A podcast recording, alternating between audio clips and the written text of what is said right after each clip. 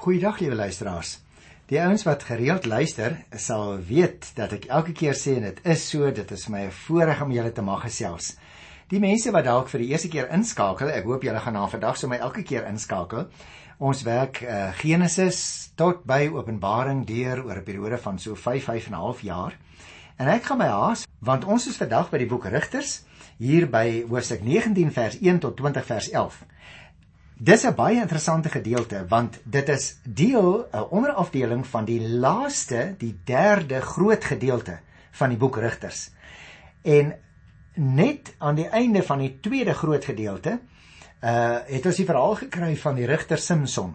Maar nou die laaste gedeelte van die boek Rigters is die gedeelte waarin die geskiedenis van Israel 'n baie vinnige afwaartse lyn volg. Dit gaan baie sleg met hulle. En toe het ek nou verlede keer uh, se programme julle gesels oor hoofstuk 17 en 18 en dit was 'n vreemde verhaal van Micha wat sommer 'n leviet in diens geneem het en daardie leviet sy priester gemaak het en dit was nie volgens die wil van die Here nie en ook van die Daniete wat die mense daar in die omgewing van Lais gaan verjaag het en hulle gebied gevat het. Nou kom ons vandag by die laaste gedeelte. Want as 'n mens lees van Hosea 19 vers 1 tot aan die einde van die boek Rigters, dan word daar vir ons vier vreeslike verhale vertel. En ek gaan daai vier verhale uh, met julle bespreek, maar vandag net die eerste 2. Hier in Rigters 19. Kom ek gee 'n kort oorsig van hierdie laaste 3 hoofstukke van die boek.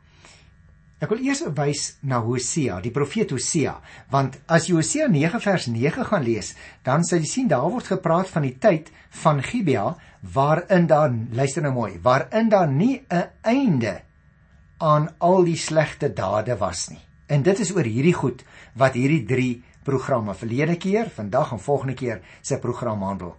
Jy sien in hierdie laaste gedeelte van die boek Rigters word daardie slegte dade van Gibea en die stamme van Israel vir ons uitgebeeld.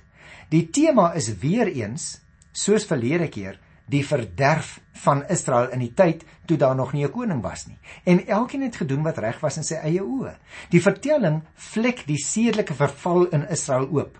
Hulle gebrek aan gasvryheid, hulle oorlogswandade en die onreg wat in hulle regstelsel genadeloos oopgemaak word. Die gemeenskap is in chaos gedompel. Onreg is aan die orde van die dag. En in die vier opeenvolgende periodes wat ek nou van vandag af gaan bespreek, word vertel hoe hierdie wantoestande by Gibea en die stamme van Israel voorgekom het. Ek wil dan dadelik begin uh met die eerste episode. Mens kry dit in Rigters 19 se eerste 28 verse. En dit gaan oor die saak van gasvryheid. Maar nou moet jy sien hoe dit hoe dit 'n lelike wending gaan neem. Kom ek maak 'n uh, eers 'n paar opmerkings en dan kyk ons na die teks. Die Lewiet van wie ons gaan lees, word eers by sy skoonpa met oordadige gasvryheid ontvang. Maar in kontras daarmee is niemand in Gibea bereid om hom en sy geselskap te ontvang nie. Die Lewiet het deur sy skoonpa se oordrewe gasvryheid te laat uit Bethlehem vertrek om nog in daglik deur te reis na sy huis toe.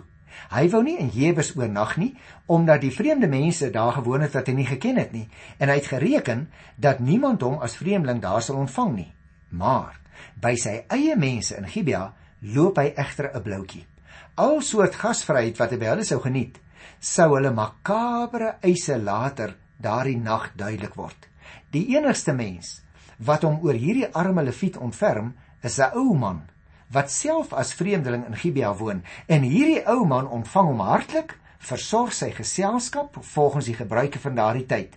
Wanneer die kriminele elemente uit Gibea in die nag dan daar aankom, net soos die mense destyds in in uh, Sodom, jy onthou nog daar by Genesis 19 toe ons dit gedoen het. Dan kom hulle nou met onbehoorlike voorstelle by die gasheer. Hulle dring aan om sy gas wat uh, daar slaap uh te neem en dan gebeur daar verskriklike dinge. Kom ons lees hierdie eerste episode in die paar verse in Genesis 19. Toe die volgende gebeurtenis plaasgevind het, was daar nog nie 'n koning in Israel nie. Daar was 'n Lewiet wat as vreemdeling gewoon het in die uithoeke van die Efraimsberge. Hy het vir hom 'n byvrou gevat uit Bethlehem in Juda. Die byvrou het ontrou geword en van hom af weggegaan na haar pa toe se huis in Bethlehem. Sy was 'n jaar en 4 maande lank daar, toe gaan haar man agter haar aan. Hy wou met haar gaan mooi praat om haar te laat terugkom na hom toe. Hy het 'n slaaf en 'n span donkies by hom gehad. Hy het na pa se huis toe gegaan. Toe die meisie se pa hom sien, was die pa bly en hy het die leviet tegemoet geloop. So jy sien die verhaal begin eintlik doodgewoon oor 'n man wat sy vrou wil gaan terugvra. Dan van vers 4 af sy skoonpa, die meisie se pa, het by hom daarop aangedring en hy het 3 dae daaroor gebly. Hulle het geëet en gedrink en hy daaroor nag. Nou is miskien vir ons 'n belangrike vers hierdie 4de een, want jy sien alhoewel dit nie geskrywe word nie, was die versoeningspoging baie geslaag en die skoonpa het nou daarop aangedring dat die leviet daar moes oorbly. So versoek was natuurlik volgens die gebruike gasvryheidsgebruike van daardie tyd gewoonlik 3 dae. En daarom lees ons ook hy daaroor nag en van die gasvryheid gebruik gemaak. Maar luister nou hoe verskriklik verander hierdie verhaal. Die 4de dag het hy vroeg klaar gemaak om te vertrek, maar die meisie se pa het vir sy skoonseun gesê: "Eet eers 'n stukkie vir die pad en dan kan jy vertrek." Hulle twee toe gaan sit en saam geëet en gedrink. Die meisie se pa sê vir die man: "Moenie tee praat nie. Bly nog die nag oor." en geniet dit hier. Die man was op die punt om te vertrek, maar toe sy skoonpa daarop begin aandring, het hy omgedraai en daar oornag. Die skoonpa, met ander woorde, liewe luisteraar, het op die 4de dag daarop aangedring dat hy nog moes oorbly. Hy moes nog eers 'n stukkie eet om sy kragte te versterk. En dan vers 8. Die 5de dag het hy vroegmôre klaar gemaak om te vertrek. Maar toe sê die meisie se pa: Eet eers 'n stukkie vir die pad. Jy sien, hy kom nog 'n slag met die versoek. Eet eers 'n stukkie vir die pad en wag tot agtermiddag. Hulle het toe geëet. Toe die man en sy byvrou, sy slaaf op die punt staan om te vertrek, sê sy skoonpa, die meisie se pa vir hom: "Kyk, man, die son is aan die sak. Dis amper aand. Oornag hier. Die dag is verby. Slaap hier en geniet dit. Julle kan môre alles regkry vir die reis en dan kan julle huis toe gaan." So die hele proses word nou weer herhaal. Die 10de vers sê: "Maar die man wou nie die nag oorbly nie. Hy het klaar gemaak en vertrek. Hy het reg oor Jebus, dit is Jerusalem gekom met sy span donkies en sy byvrou by hom." Nou liewe luisteraar, mens kan sê tot hier toe was dit baie vreedsame verhaal. Die gasvryheid is baie mooi, maar nou moet ons oplet hoe dit nou uh, gaan verander. Vers 11. Toe hulle by Jebus kom, was die dag verby. En sy slaaf sê vir hom: "Kom ons draai hier in by die stad van die Jebusiete dan vernag ons in die stad." Maar hy sê vir sy slaaf: "Ons kan nie by 'n vreemde stad indraai waar daar nie Israeliete is nie. Kom ons trek deur tot by Gibea." Hy het verder vir sy slaaf gesê: "Kom ons probeer kom by een van ons plekke, dan oornag ons in Gibeon of in Rama." Nou mense kan dit nogal verstaan, liewe luisteraars, want die Lewiet wou nie na Jebus toe indraai nie, want dit was 'n vreemde stad. Die inwoners was mos nou nie Israeliete nie. Daarom wou hy nou hê hulle moet aangaan tot by Gibeon, so omtrent so ek sou sê so 5 km verder noord of miskien selfs na Rama toe sê hy. Dis nog so 3 km verder noord. Gibeon was later die stad van Saul. Maar dit kom eers later in die geskiedenis. Nou is dit ironies dat hulle later juis deur hulle eie volksgenote gemolesteer sou word en nie deur die Jebusiete nie. Nou lees ons hier by vers 14. Hulle het deurgedruk en toe hulle reg oor Gibeon en Benjamin kom, gaan die son vir hulle onder. Hulle toe daar ingedraai en in Gibea het hulle gaan oornag. Hulle het by die stadsplein gekom en daar gaan sit. Niemand het hulle genooi om in sy huis in te gaan nie. Nou sien jy dadelik hier kom, liewe luisteraar, nou die teenpool. Want hulle is so gasvry ontvang daardeur vreemde mense. Hulle het eintlik 'n paar dae ekstra oorgebly. Nou kom hulle in hulle eie grondgebied, maar niemand vra hulle om daar te oornag nie. En hier begin hierdie verhaal nou 'n baie belangrike wending neem. Die stadsplein waarvan ons hier lees in vers 15 was die ruimte by die poort en die plek waar die stadsbewoners gewoonlik saamgekom het. Maar geen gasvryheid word nou aan hierdie moeë reisigers betoon nie. Vers 16 Daardie aand het daar 'n ou man van sy werk in die veld af in die stad ingekom. Hy was afkomstig uit die Efraimsberge en hy het as vreemdeling in Gibea gewoon. Die mense van Gibea was Benjaminite. Die ou man het die reisiger op die stadsplein raak gesien en vir hom gesê: "Waarheen is jy op pad? Waarvandaan kom jy?" Jy sien hierdie ou Efraimiet was self 'n intrekker onder die Benjaminite. En hy het ook daar in die stad gewoon. Die Efraimiet was in Gibea soos Lot in Sodom. Heeltemal voel hy ontuis na hy omgewing. Nou vers 18 sê: "Toe sê hy vir die ou man: Ons is op pad van Bethlehem in Juda af na die uithoeke van die Efraimsberge. Ek is van daar af, maar ek het na Bethlehem in Juda toe gegaan, na die huis van my Here toe. Ek is op pad, maar niemand het my na sy huis toe genooi nie. Jy sien, liewe luisteraar, die Lewiet gee nou baie kort opsomming van sy reis. Die betekenis van na die huis van die Here toe is nie vir ons heeltemal duidelik nie. 'n uh, Griekse vertaling het en na my huis uh en dit beteken dat hy van Bethlehem af is. So die huis van die Here waarna hy verwys is nie vir ons heeltemal duidelik in hierdie teks nie. Ons ken nie die geskiedenis nie. Uh die Bybel sê nie spesifiek daaroor nie. Daarom wil ek liewer na die 19de vers kyk. Hy sê ek het genoeg voer vir die donkies en kos en wyn vir my en die vrou en die slaaf. Ons kom niks kort nie. Met ander woorde, die Lewiet sê: "Ag meneer, wie is 'n ou oom en Baie dankie, u is baie vriendelik, maar moenie oor ons bekommerd wees nie. Ons kom niks kort nie. Vers 20 en 21. Toe sê die ou man vir hom: "Dis alles reg. Maar wat uh, jy sal gebruik, dit sal ek vir jou voorsien.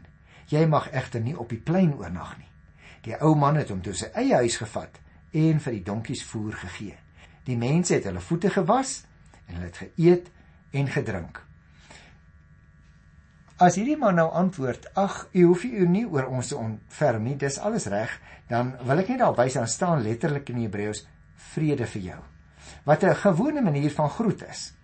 Gasvryheid, liewe luisteraar, word nou betoon en die reisiger se voete word selfs ook gewas. En hierdie gebruik was natuurlik baie algemeen in die stof, stowwerige wêreld van destyds. Vers 22 sê net jy hulle begin vrolik raak. Omsingel 'n klomp straatboewe van die stad die huis en hulle slaan op die deur. Hulle sê toe vir die ou man aan wie die huis behoort: "Bring uit die man wat in jou huis gekom het. Ons wil geslagsgemeenskap met hom hê." Onthou jy nog mense dieselfde soort ding gekry in die geskiedenis uh van oud Israel daar in Genesis 19 in die geval van Lot. En nou gebeur dit ook hier. Met ander woorde, liewe luisteraars, hierdie ou man het heel waarskynlik besef hier's baie boewe en slegte mense in hierdie stad en daarom het hy die Lewiet en sy byvrou ingenooi. En nou gebeur hierdie onplesierige ding dat mense op die deur hamer en sê lewer uit hierdie mense wat hier by jou slaap. Ons wil geslagsgemeenskap uh met hulle hê. Is dit nie 'n nare opmerking wat nou hier gemaak word teenoor die gaste nie? Vers 23 Die man aan wie die huis behoort is na hulle toe uit het vir hulle gesê: "Nee, nee vriende, moenie hierdie man kwaad aandoen nadat hy in my huis ingekom het nie. Julle moet hom nie so 'n lae ding aandoen nie. Hier is my dogter." Kan u glo dat hierdie ou man die opoffering doen? Hy sê: "Hier is my dogter. Sy's nog 'n maagd en die man se byvrou. Ek sal hulle uitbring, verkrag hulle. Doen met hulle wat julle wil, maar moenie hierdie lae ding aan die man doen nie." Hy probeer dus met alle mag hierdie man wat hy ingeneem het, die leviet wat hy ingeneem het in sy huis, beskerm teen die mense van sy stad dat hulle nie die verskriklike ding aan die gaste doen nie. Vers 25: Maar die mans wou nie na hom luister nie. Toe gryp die leviet sy byvrou en hy stoot haar buitentoe na hulle toe.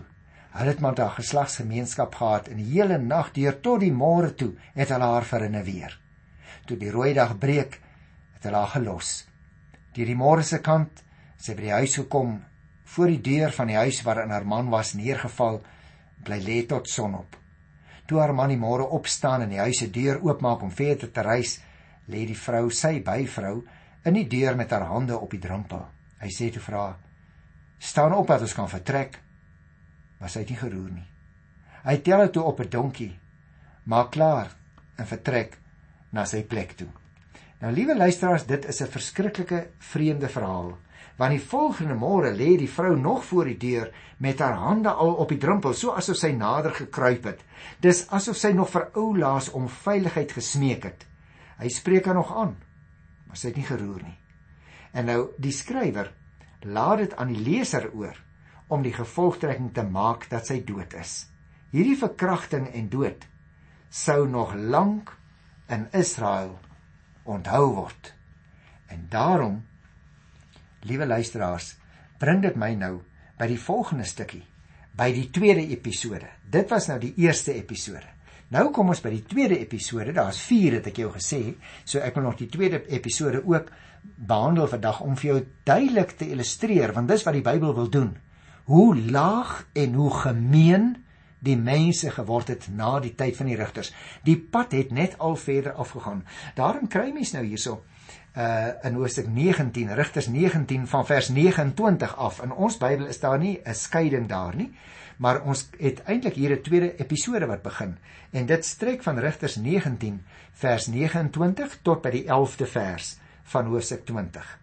Waar dit gaan oor die Lewiet wat sy byvrou in stukke sny is 'n vreeslike verhaal want in hierdie tweede episode word vertel hoe 'n byeenkoms misbruik kan word om 'n persoon se saak te besleg. Die leviet naamlik kry iets reg wat geen regter voor hom kon regkry nie. Dis laas in Joshua se tyd dat die hele volk bymekaar gekom het en dit was 'n goeie ding.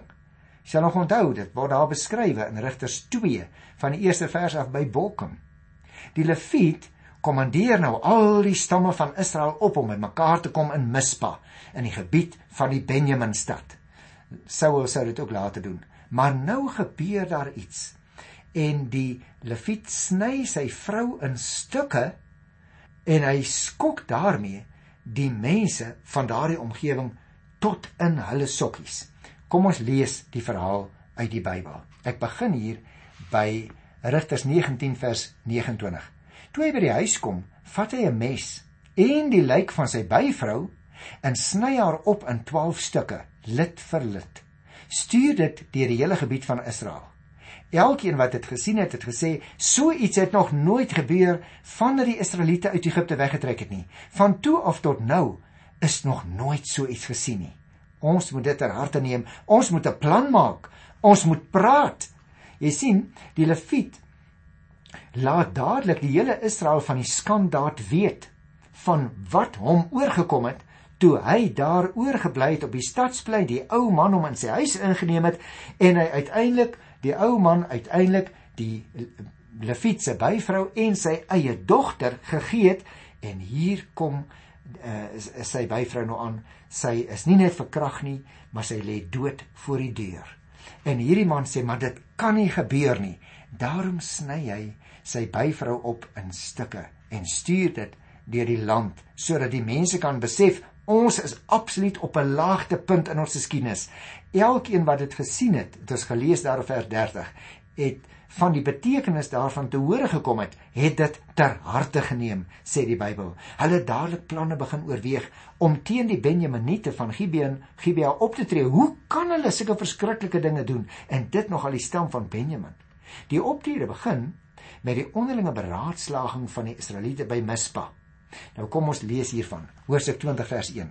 Toe die Israeliete die van Dan tot by die van Berseba en die van die Gilead streek soos een man as gemeente in Mispa bymekaar gekom in die teenwoordigheid van die Here. Met ander woorde, hulle sê vir mekaar Kom ons gaan almal na Mispa toe. Ons moet oor hierdie ding praat. Ons moet die Here raadpleeg. Dit kan tog nou nie so verder gaan in ons land nie. Daarom sê die Bybel, hulle het bymekaar gekom in die teenwoordigheid van die Here. Nou luisteraars, dit hoef natuurlik nie beteken dat daar noodwendig op daai stadium al heiligdom was nie. Maar dit beklemtoon wel vir ons hulle groot erns. Miskien was die ark ook nog daar. Hoe sal ons weet? Vers 2 sê die leiers van die volk van al die stamme van Israel was daar in die vergadering van die volk van God. Daar was 400 000 voetsoldate wat met die swaard kon veg. Jy sien die leiers word in Hebreëus op 'n besondere wyse as hoekpilare in 'n gemeenskap aangedui. En daar was 400 000 voetsoldate. Nou, 'n liewe luisteraar, ek wil weer eens sê, heel waarskynlik is dit 'n simboliese syfer. Om net te sê daar was baie mense wat so en so en toe gegaan het en baie van hulle was dan ook gewapen. Vers 3 sê die Benjaminiete het verneem dat die ander Israeliete na Mispa toe opgetrek het. Die Israeliete het vir hulle gevra: "Sê ons tog, Hoe het hierdie lading plaasgevind? Want hierdie mense wat gekom het wat nou weet, hoekom het julle so verskriklik sleg opgetree? Vers 4 en 5 toe antwoord die Lewiet, die man van die vermoorde vrou. Ek en my vrou het in Gibeon gekom wat aan Benjamin behoort om daar te oornag. Toe wou die mans van Gibea my kom aanrand en hulle het my die hele nag omsingel daar in die huis waar ek tuis was. Hulle wou my doodmaak en hulle het my byvrou vir 'n weer sodat sy gesterf het. Hy vertel dus vir hulle dood eenvoudig wat die verskriklike ding is wat daar gebeur het toe hy by die ou man in Gibea in sy huis tuis gegaan het. Hy wil hê sy mense moet dit weet. Vers 6 en 7. Toe het ek haar opgesny en rondgestuur deur die hele gebied wat aan Israel behoort, want die mense van Gibea het 'n afskuwelike en 'n lae ding in Israel gedoen. En nou is julle almal hier Israeliete, ons moet praat. Ons moet net hier 'n plan maak. So jy sien liewe luisteraar vir jou vir my is die opsny van hierdie vrou in 'n klomp stukke vreeslik wreed, maar dit was juis om die gelowiges te skok dat hulle moet besef nou moet ons iets doen. Ons kan eenvoudig nie so aangaan nie. En daarom ons moet nou 'n plan maak. Vers 8: Die hele volk het eenparig verklaar: Niemand mag na sy woonplek toe teruggaan nie, niemand mag teruggaan huis toe nie. Vers 19: Dit is wat ons met Gibea sal doen. En hier het hulle nou beraadsplaag en hier gee hulle uitspraak. Ons sal loetjies trek oor Gibea. En uit elke 100 man uit die stamme van Israel sal ons 10 man vat uit elke 1000 man 100 en uit elke 1000 uh, uit elke 10000 1000 om kos by die volk te gaan haal. Wanneer ons in Gibea by Benjamin kom, sal ons hom straf ooreenkomstig die laa ding wat hy in Israel gedoen het. Al die Israeliete het saamgestem en hulle het by Gibea bymekaar gekom. In 'n sekere sin wil ek sê, ons sluit so 'n bietjie op 'n positiewe noot af. Die verhaal uh hier in hoofstuk 19 het baie donker begin. En dit het vir ons vertel van twee soorte gasvryheid. Een man wat gasvryheid ontvang, maar dan nie gasvryheid wil gee nie. Die tweede episode wat ons gelees het, is ook van 'n leviet wat op reis was, wat dan by 'n ou man in Gibea tuis gaan, hoewel hy eintlik maar sommer gesê het ek sal op die stadspyn bly, maar die ou man het geweet hoe boos die mense van Gibea was hoeveel rowers daar was, hoeveel verkragters daar was en hy het die man en sy byvrou by hom in die huis geneem. Toe in daardie nag, terwyl hulle geslaap het, het die ouens op die deure van die huis begin klop, daar buitekant en gesê: "Ons wil geslagsgemeenskap hê met hierdie man, hierdie leviet wat by jou tuis gaan." Voordat tog die ou man nog gedink om goed te doen. Hy vat toe die byvrou en hy vat sy eie dogter wat 'n maagd was. Oorhandig hulle aan hierdie wrede mense van Gibea. Maar uiteindelik toe die son die volgende oggend breek, toe kom die byvrou daar by die voordeur van die huis en toe hulle die deur oopmaak en die leviet verder wou reis, toe sien hy my aarde hier lê my byvrou. Sy's verkrag, sy's totaal verniel, sy's vir 'n weer en sy het gesterf hier by die voordeur. Nie die krag gehad om in te kom nie. En dan roep daardie leviet al die Israeliete op en sê julle moet hier bymekaar kom in Gibea. Ons kan nie so aangaan nie. Die land is besig om agteruit te gaan. Nou op hierdie positiewe noot sluit ons, maar die verhale broers en susters, die twee eerste twee episodes wat ek nou behandel het, het net een bedoeling en dit is om vir ons te sê die land was in 'n verskriklike verskriklike toestand. Die mense het nie die Here mee gedien nie en dit het uiteindelik gelei tot ander uitwasse. Nou so die Here wil, gaan ek dan volgende keer die laaste program oor rigters doen. En dan gaan ek die volgende 2 episodes behandel. Want die boek Rigters sluit af om vir ons te sê as mense die Here nie dien nie, dan gaan dit slegter en slegter en slegter. Tot volgende keer. Groet ek jou in die wonderlike naam van die Here. Tot dan. Totsiens.